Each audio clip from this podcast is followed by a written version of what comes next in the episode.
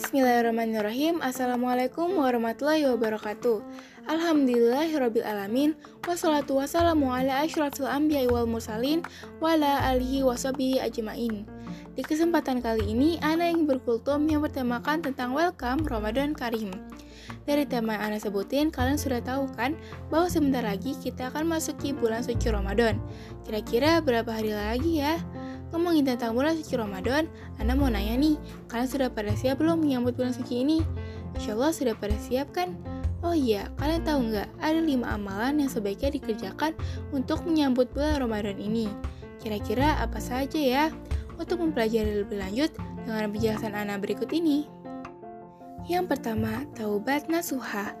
Amalan pertama ini dilakukan sebagai langkah persiapan diri menuju bulan Ramadan, ialah memperbaiki hubungan dengan Allah Subhanahu wa taala bagi yang selama ini melakukan perbuatan-perbuatan buruk atau yang membuat murka Allah.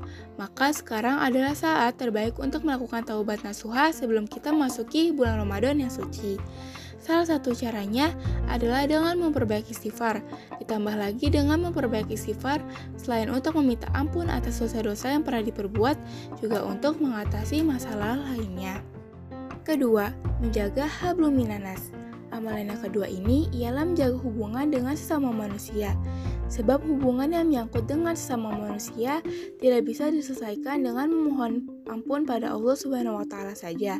Akan tetapi harus mendatangi mereka satu persatu untuk meminta maaf dan berjabat tangan. Seperti sabda Rasulullah Shallallahu alaihi wasallam yang berbunyi, "Ma min muslimaini yaltaqiyani fayatasafahani ila ghufira lahu ma qabla an yaftariqa." Yang artinya, Tidaklah dua muslim itu bertemu lantas berjabat tangan, melainkan akan diampuni dosa di antara keduanya sebelum berpisah. Hadis riwayat Abu Daud. Yang ketiga, pelajari segala hal tentang Ramadan. Sebelum menjalani serangkaian ibadah di bulan suci Ramadan, maka hendaknya pelajari segala ilmunya terlebih dahulu. Perlu banget nih untuk dipelajari tentang hukum dan ketentuannya agar tidak menjadi sia-sia saat dikerjakan. Jangan sampai kita menganggap bulan Ramadan dan segala amalan di dalamnya hanya sebagai rutinitas atau musiman, tapi sebaiknya dijadikan sebagai sekolah di mana kita bisa menambah ilmu dan memperbaiki kebiasaan ibadah sebelumnya menjadi lebih baik lagi. Yang keempat, memperbaiki interaksi dengan Al-Quran. Bulan Ramadan merupakan bulan yang mulia. Pada bulan ini, Allah Subhanahu wa Ta'ala menurunkan Kitab Suci Al-Quran sebagai petunjuk dan pedoman hidup bagi manusia. Oleh sebab itu, umat Muslim dianjurkan untuk memperbaiki membaca Al-Quran di bulan Ramadan. Bagi yang belum mahir membaca Al-Quran, maka siapkan langkah bertarget dan tekad yang kuat untuk terus belajar dan berlatih hingga mahir, dan menjadikan Ramadan sebagai saat yang tepat untuk banyak berlatih membacanya. Insya Allah, pahala yang besar akan kita dapatkan selama niat kita karena Allah Subhanahu wa Ta'ala. Yang terakhir, memperbanyak sedekah. Di bulan Ramadan, umat muslim dianjurkan untuk memperbanyak sedekah. Salah satu hal istimewa dari bersedekah adalah limpahan pahala yang bisa diraih.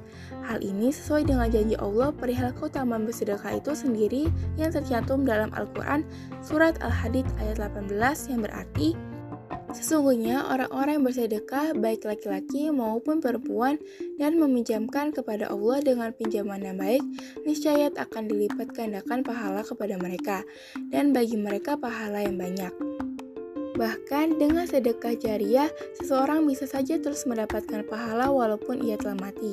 Amalan ini yang biasa kita kenal dengan sodako jariah.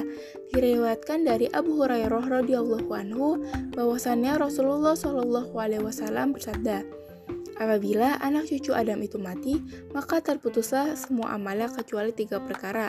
Sodako jariah, anak soleh yang memohon ampunan untuk kedua orang tuanya, dan ilmu yang bermanfaat setelahnya. Itulah beberapa amalan mulia yang harus disiapkan dan ditingkatkan. Jangan lupa dikerjakan ya, karena sangat bermanfaat untuk kita semua.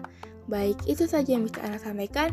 Kurang lebihnya mohon maaf. Wassalamualaikum warahmatullahi wabarakatuh.